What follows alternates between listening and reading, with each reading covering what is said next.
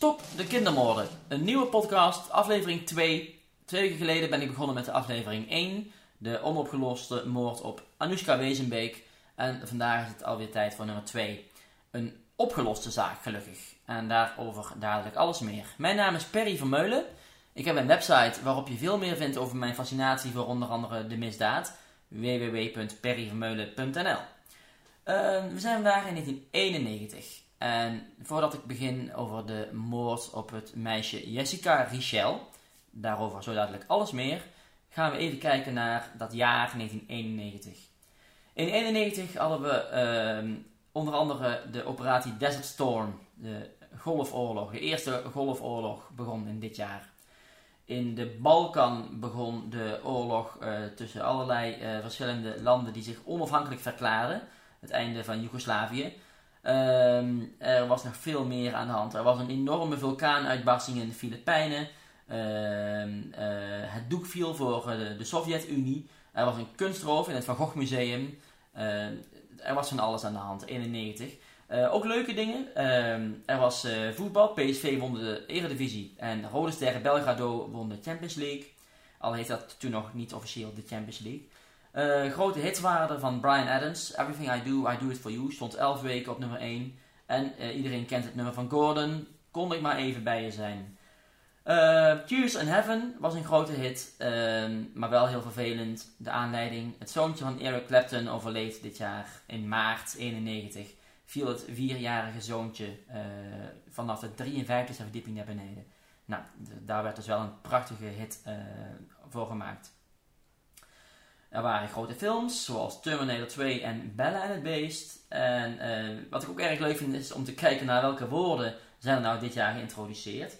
Woorden die we nu allemaal gebruiken, zoals blooper. Nou, werd pas in 91 gebruikt in Nederland, een blooper maken. En e-mail.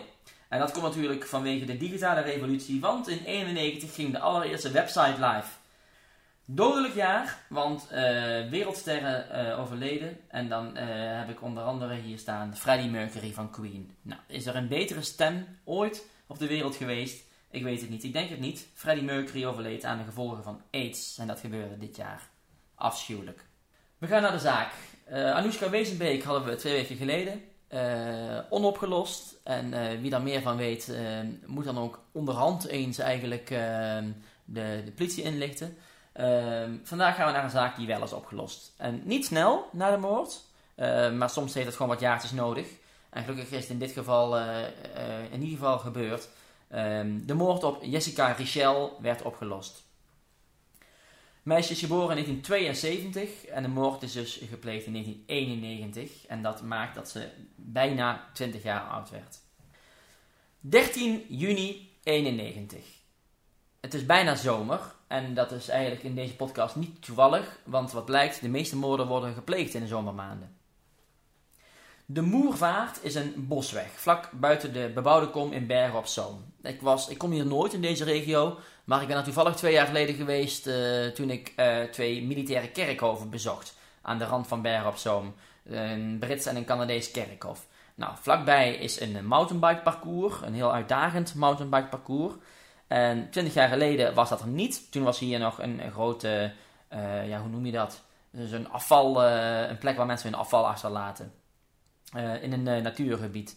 een vuilnisbelt, ik zocht het woord. Een vuilnisbelt lag hier. De Kragge, zo kenden mensen dat hier. Vuilnisbelt De Kragge. Vlakbij de A58.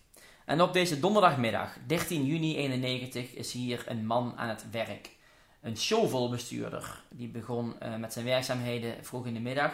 Hij moest het bospad hier egaliseren, glad strijken.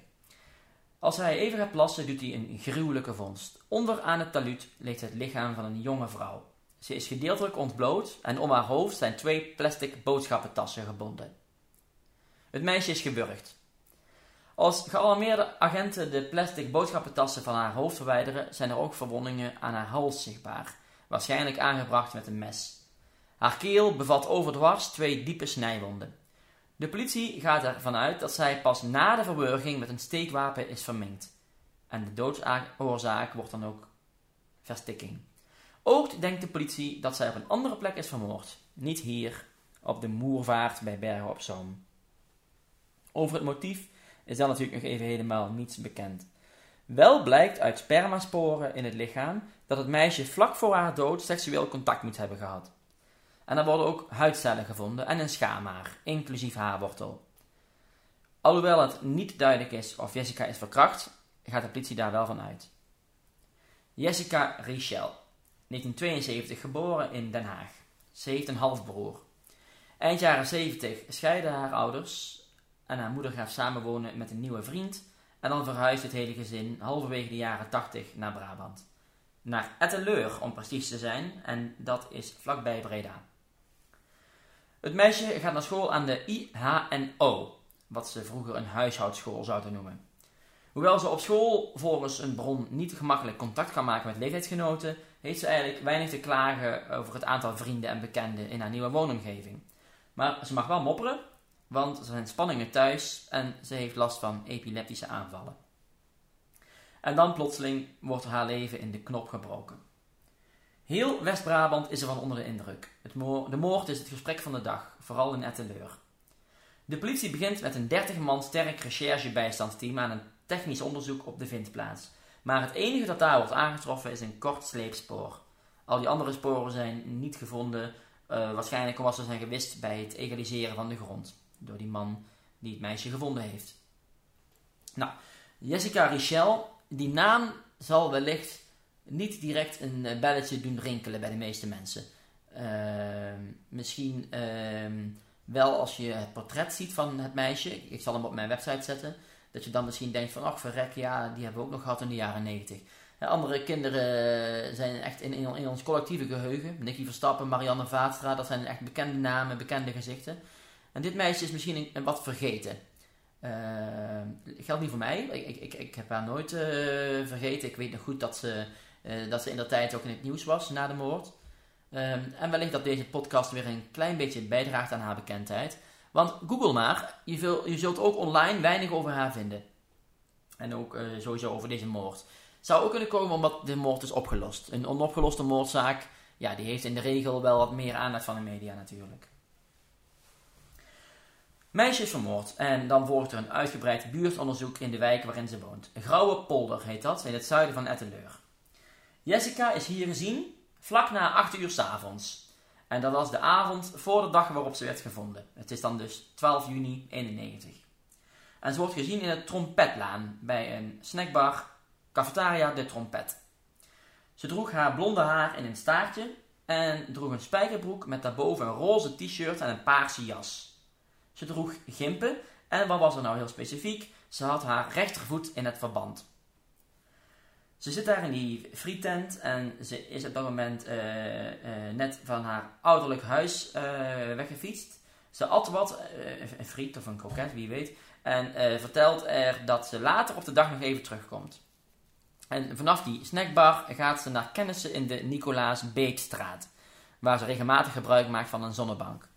Daar is ze om een uur of half negen op haar groene fiets met een gebloemd kinderzitje. Rond tien over half tien vertrekt ze daar weer. En vanaf dan wordt het vaag wat ze nou precies heeft gedaan.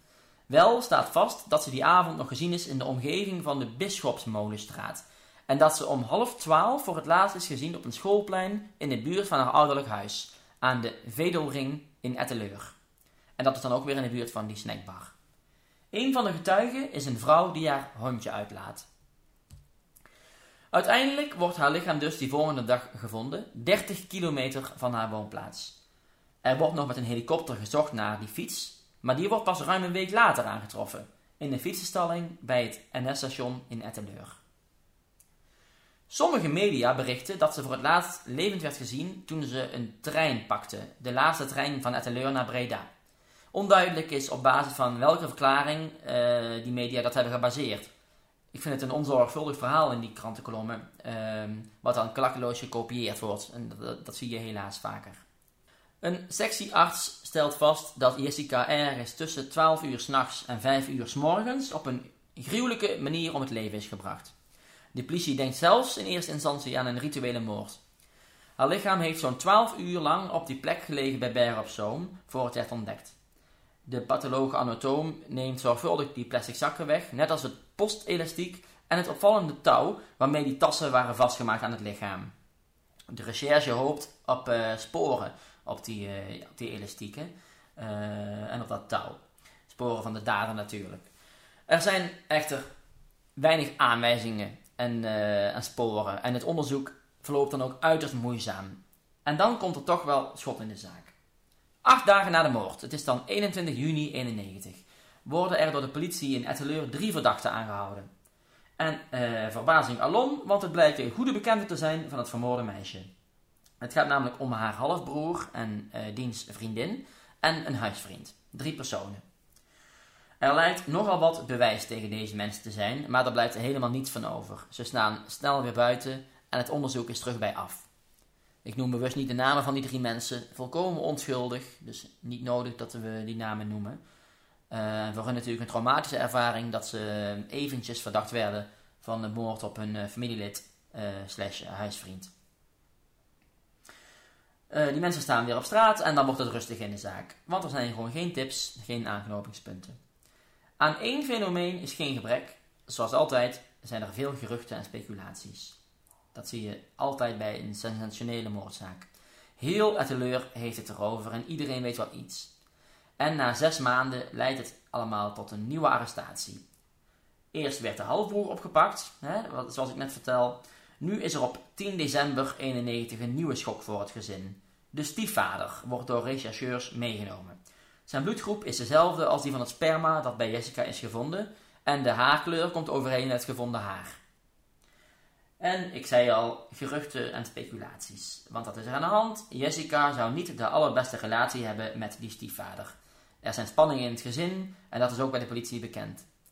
En dan wordt er een hele pijnlijke fout gemaakt, want een gemeenteambtenaar meldt dat Jessica bij een aanvraag voor een eigen woning heeft verklaard dat zij thuis seksueel misbruikt werd. En daar was voor de politie genoeg reden om die stiefvader te verdenken. Er blijkt echter helemaal niets aan de hand te zijn. Foutje van die ambtenaar. Er is helemaal geen sprake van incest.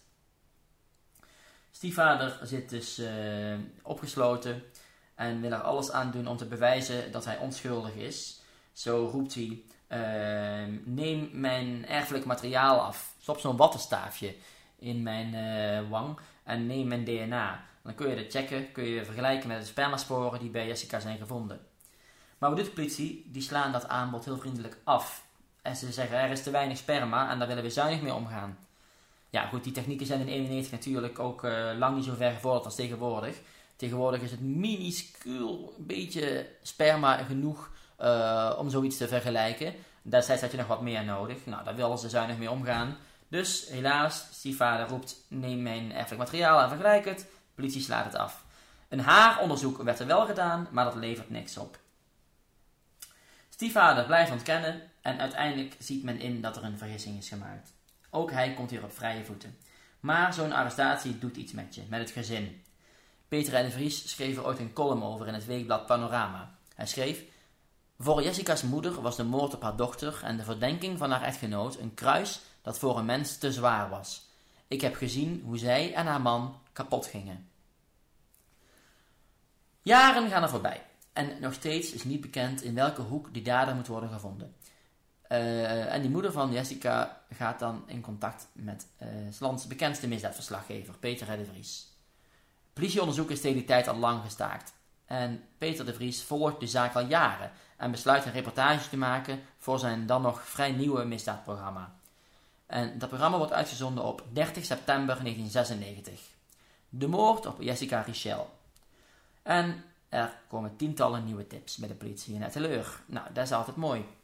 Hij belt bijvoorbeeld een vrouw die vertelt dat haar ex-vriend er meer van weet. Hij had tot, uh, haar, tegen haar had hij allerlei uh, ja, onbekende bijzonderheden over het misdrijf verteld. Onder meer over de kleur van Jessica's ondergoed. De recherche pakt hem op. Het is een Ierse man van 45 jaar, maar er was helemaal geen concreet bewijs. Misgeschoten. Ook deze Ierse man staat snel weer buiten. 17 dagen heeft hij vastgezeten.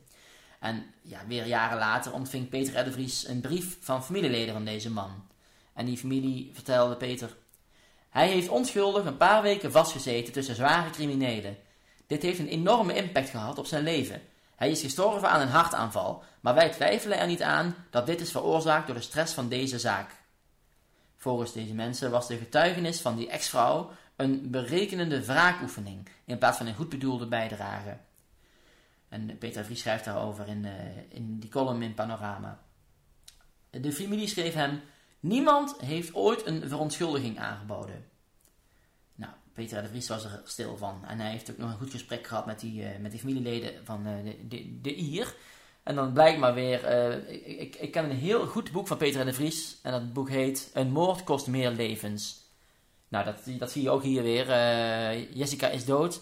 Ehm, haar familieleden zijn natuurlijk voor hun leven getekend. Maar er zijn meer slachtoffers. Zoals ehm, onschuldige mensen die worden opgepakt en hun naasten. Er volgt nog een arrestatie. En nu is de 29-jarige kennis van Jessica. En ook hij wordt opgepakt naar aanleiding van de uitzending van Peter de Vries. Hij was al eens verhoord, maar kan nu pas gearresteerd worden. Een DNA-vergelijking met het sperma dat bij Jessica gevonden was, bleek echter negatief. Ook deze man staat snel weer buiten. En het onderzoek, het onderzoek zit dan helemaal muurvast. Het wordt rustig in deze zaak. Jaren gaan voorbij en dan is er een millenniumwisseling en dan is het het voorjaar van 2001. En de zaak wordt overgedragen aan het nieuwe landelijke team kindermoorden. En die zagen we eerder voorbij komen, ook in de zaak van uh, Anoushka Wezenbeek. En ik heb het er al over gehad in mijn inleiding. Uh, dit team uh, had verbeterde onderzoeksmethoden en dus ook nieuwe kansen voor de oplossing van de moord op Jessica Richel. En dat dossier bestond toen al uit 10.000 pagina's. Het cold case team dat zich met de zaak ging bemoeien, uh, uh, ging tot in de kleinste details alles opnieuw uitpluizen. Alles werd met een frisse blik bekeken. Zo werd het complete dossier gedigitaliseerd en alle technische sporen werden opnieuw onderzocht met die verbeterde mogelijkheden van het nieuwe millennium. Het sperma, de schaamhaar en de gevonden huidcellen op de postelastiek blijken, die blijken zoals verwacht van één en dezelfde donor te zijn. Dus dat betekent uh, dat degene die sperma achterliet, uh, dat, dat ook de gevonden schaamhaar van deze persoon is. En dat de huidcellen op de postelastiek ook van diezelfde persoon zijn. De materialen moeten dus afkomstig zijn van die moordenaar. De elastiek is van die moordenaar, punt. Dat wordt dan eigenlijk pas echt duidelijk. En dan gaat een streep door de theorie dat Jessica sporen bij zich draagt van een vrijwillig seksueel contact. Er wordt ook opnieuw gekeken naar de rapportage van een gedragsdeskundige uit 1994. Het daderprofiel, geschreven op basis van de toen beschikbare gegevens over die toedracht van de moord, leverde cruciale eigenschappen van de dader op. Ze werden door het cold case team allemaal goed in kaart gebracht en bestudeerd. Volgens dat dossier woonde de dader vermoedelijk alleen, had hij waarschijnlijk geen relatie is hij onervaren en onvolwassen voor zijn leeftijd? Rijdt hij in een bescheiden auto? Is hij 21 tot 28 jaar oud en een eenling? Daar zijn ze naar op zoek. Nou, zoals bij iedere moordzaak heb ik bronnen tot mijn beschikking en in dit geval heb ik heel veel gehad aan een televisieprogramma van de AVRO. Dossier gesloten heet het programma en het was in 2005 op televisie. Niet meer online terug te vinden, dus ik toog afgelopen december naar Hilversum daar zit het Instituut voor Beeld en Geluid. En dan kun je achter een uh, computer kruipen en dan kun je uh, oude programma's terugzien. Een hele fijne plek. Ik kreeg koffie van een hele aardige mevrouw. Uh, fijne plek om een paar uur ja, oude programma's terug te kijken. En daar keek ik dus naar Dossier Gesloten. Peter Robbe vertelt in die uitzending over de moord. En de heer Robbe is een rechercheur bij Midden- en West-Brabant. Hij vertelde in 1994 gingen we er al van uit dat Jessica de dader gekend moet hebben, dat ze er vrijwillig naartoe is gegaan. Later maakten we kennis met een wetenschappelijk onderzoek uit Engeland en Amerika, uit uh, eh, 2002. En wat bleek nou uit dat onderzoek? Bij 90% van dit soort delicten komt de dader binnen drie maanden voor in het dossier. Daar gingen we mee aan de slag. Alle mannen in het oude dossier werden opnieuw bekeken volgens diverse selectiecriteria het ging om 164 mensen. Er werden vragen gesteld, bijvoorbeeld: kent de persoon de omgeving van de vindplaats? Veranderde hij zijn gedrag na de moord? Kan hij gelinkt worden aan voorwerpen die bij het lichaam werden gevonden, zoals het touw? Hoe is zijn alibi en heeft hij een strafblad? Wie aan de meeste criteria voldeed, zal nader worden onderzocht. Dat was de bedoeling. dus 164 mensen stonden er in het dossier. Mensen die op een of andere manier te maken hadden met dat uh, moordonderzoek. Die werden allemaal opnieuw bekeken. En er werd gekeken van, hey, past die nou bij die vragen die zojuist zijn geformuleerd? en die mannen kunnen dan ook aan een DNA-test worden onderworpen. Die onderzoekers kwamen tot vier belangrijke verdachten en elf mogelijke verdachten. Dus 15 man in totaal. 15 mensen die uh, even opnieuw goed werden bekeken. Vier mannen. Vier mannen waarvan wordt gezegd, hé, hey, die zijn echt verdacht. Belangrijke mensen. Er is er eentje bij met ernstige bezwaren. Hij wil niet meedoen aan de DNA-test. Er zijn echter zoveel aanwijzingen dat hij meteen wordt aangehouden. Dit zou hem kunnen zijn. Hij werkte in dezelfde kringloopwinkel als Jessica. En daarom was hij dus onderdeel van die 164 mensen in het dossier. Een collega van Jessica. Hij is in het verleden eerder veroordeeld geweest voor soortgelijke misdrijven. Voor onder meer bijvoorbeeld een verkrachting, waarbij een vrouw naakt was weggevlucht. Was met een mes gesneden. Hij werkt mee aan een DNA-onderzoek. En helaas, er is geen match. Alles wijst erop, hey, verrek, er is een collega met een uh, zedenverleden. Je denkt dan allemaal, yes, we hebben hem. En dan helaas is er geen DNA-match. Onschuldig. Een flinke domper, dat kun je je voorstellen voor het hele team. En dan gaan ze die vier belangrijke mannen af, maar ook die 15 mannen die mogelijk verdacht zijn. Helaas, allemaal onschuldig, want geen match. Niets anders wacht de politie dan een enorme klus. Een enorme klus om uh, die resterende 149 mannen uit het oude dossier allemaal uh, ja, onder het vergrootglas te leggen. Ze krijgen allemaal een uitnodiging voor het afgeven van wangslijm. Extra verdacht zijn de mensen die niet willen, willen meewerken. Nou, ook dat kan iedereen zich voorstellen. En uh, die mensen worden één voor één gebeld. En dan is er goed nieuws. Bijna 12 jaar na de moord. De zaak wordt opgelost. Er is namelijk een weigeraar, iemand die niet mee wil doen aan de DNA-test. Hij vertelt in februari 2003, dus dat is dan 12 jaar na de moord, uh, aan de telefoon tegen de politie dat hij het onderzoek flauwekul vindt. Hij zegt: Ik heb Jessica niet eens gekend. En dat is meteen verdacht, want zijn naam kwam e- toch echt wel degelijk voor in Jessica's schoolagenda. Hij is destijds ook door de politie verhoord. Cornelis de R heet hij en hij is opvallend zenuwachtig in het telefoongesprek. De recherche besluit hem extra in de gaten te houden. Na het contact blijkt hij ineens overspannen thuis te blijven van zijn werk. Tegenover familie en vrienden spreekt hij over emigreren en zelfmoord plegen. Cornelis de R. Hij is uh, inmiddels 35 jaar oud en hij woont in Hoeve. Verschillende getuigen uit 1991 worden nog eens ondervraagd door het cold case team. En daar komt belangrijke informatie uit. De vrouw met het hondje, die Jessica op de avond van haar verdwijning had zien fietsen, liet haar hond uit vlakbij het huis waar de verdachte toen woonde. Nou, oké, dat is een belangrijk gegeven. Er is nog meer. Het opvallende touw dat in 1991 bij Jessica werd gevonden, blijkt een militair koord. De verdachte is een ex-militair. De bloedgroep die het NFI had vastgesteld komt overeen en het veiliggestelde schaamhaar matcht met de haarkleur. Het bewijs stapelt zich op. Er volgt een huiszoeking op vordering van de officier van justitie. De man is inmiddels verhuisd, hij woont dan samen met een vriendin. En mensen bij de politie zijn sceptisch. Wat moet je in godsnaam nog vinden zoveel jaar na een delict? Daar komen ze van terug. De recherche vindt namelijk een doos met een mes, een militair koord en een gebruikte zwachtel. Gaat het dan om dat verband van Jessica? Daar wordt er natuurlijk gelijk gevraagd, want haar voet zat in het verband. Zou die moordenaar echt zo stom zijn om, om dat dan te bewaren al die jaren? Er worden video's meegenomen en een computer. En met al dat belastende materiaal wordt besloten om Cornelis de R direct aan te houden. Hij weigert natuurlijk medewerking en begint dan na zijn gedwongen DNA-afname vrijlot te praten. Hij heeft de maandag voor de moord geslachtsgemeenschap met Jessica gehad, zegt hij. Vrijwillig seksueel contact. Daar heeft hij eerder nooit iets over gezegd en niemand gelooft dan ook deze nieuwe wending.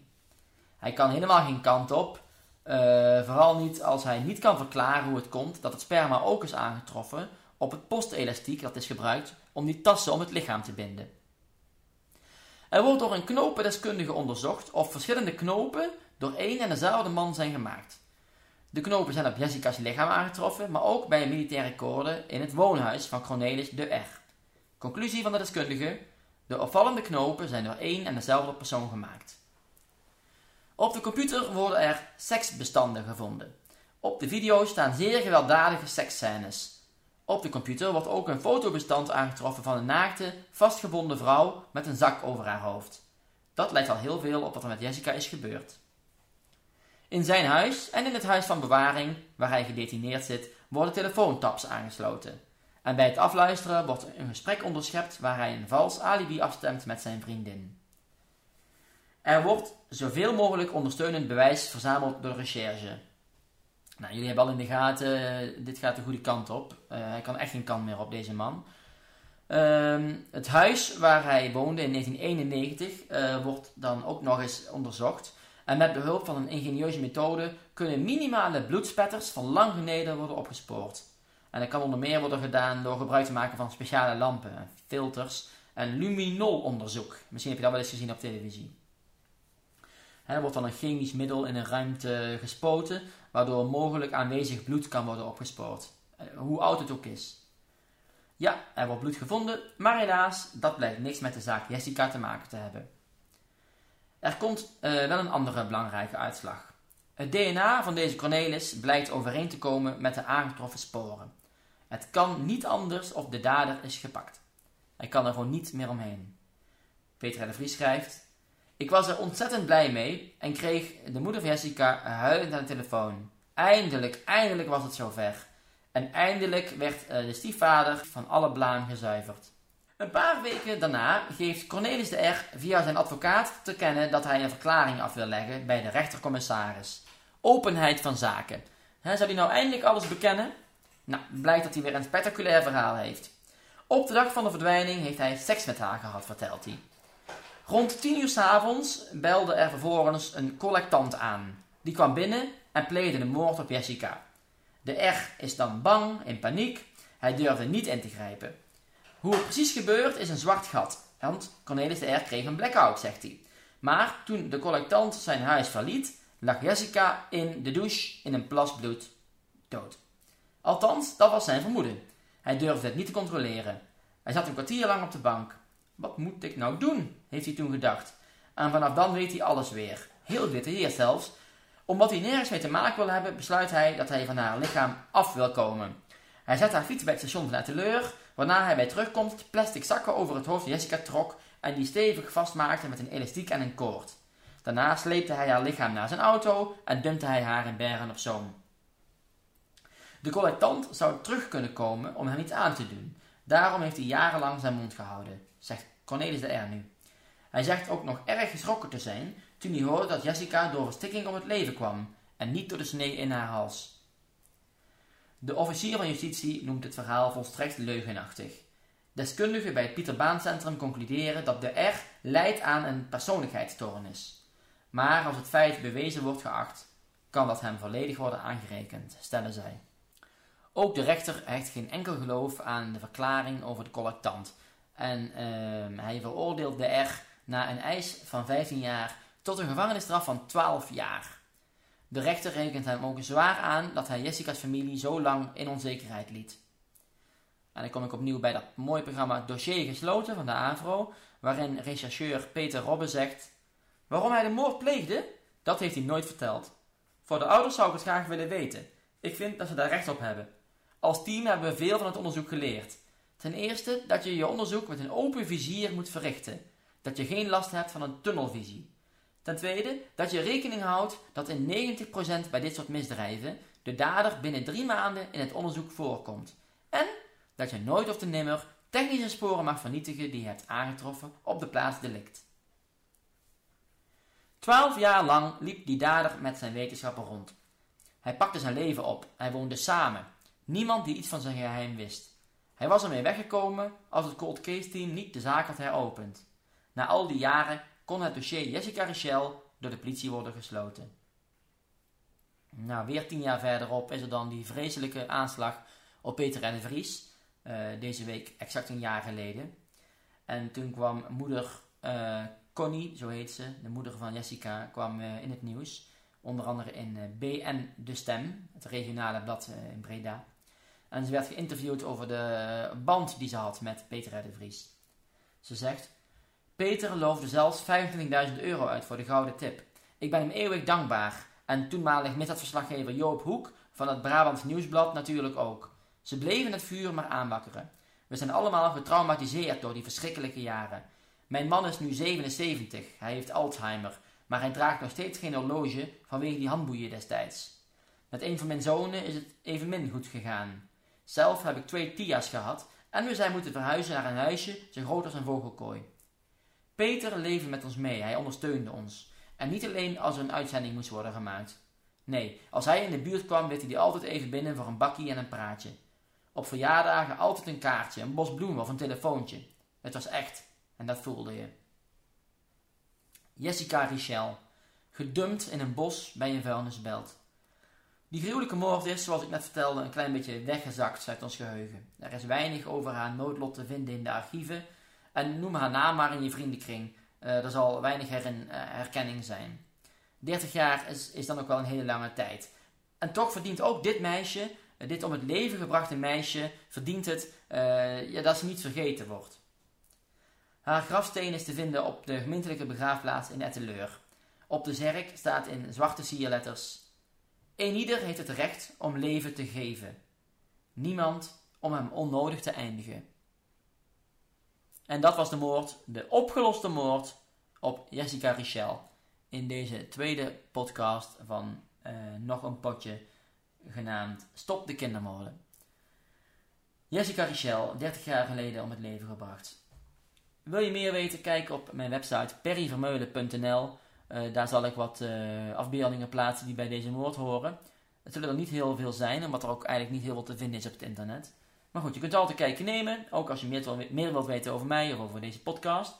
En over twee weken dan is er een nieuwe aflevering, aflevering 3 alweer. Uh, heb je vragen, heb je opmerkingen, uh, verbeterpunten, noem het maar op.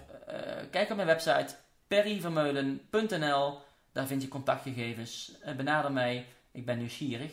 En ik wil je ook bedanken voor de opmerkingen die ik heb gekregen na mijn eerste aflevering. Echt heel erg uh, goed om van jullie te horen. Dankjewel voor het luisteren. Tot de volgende keer.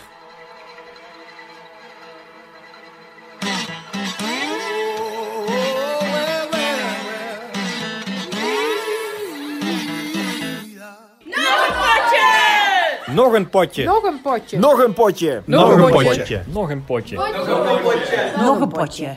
Mag ik nog een potje?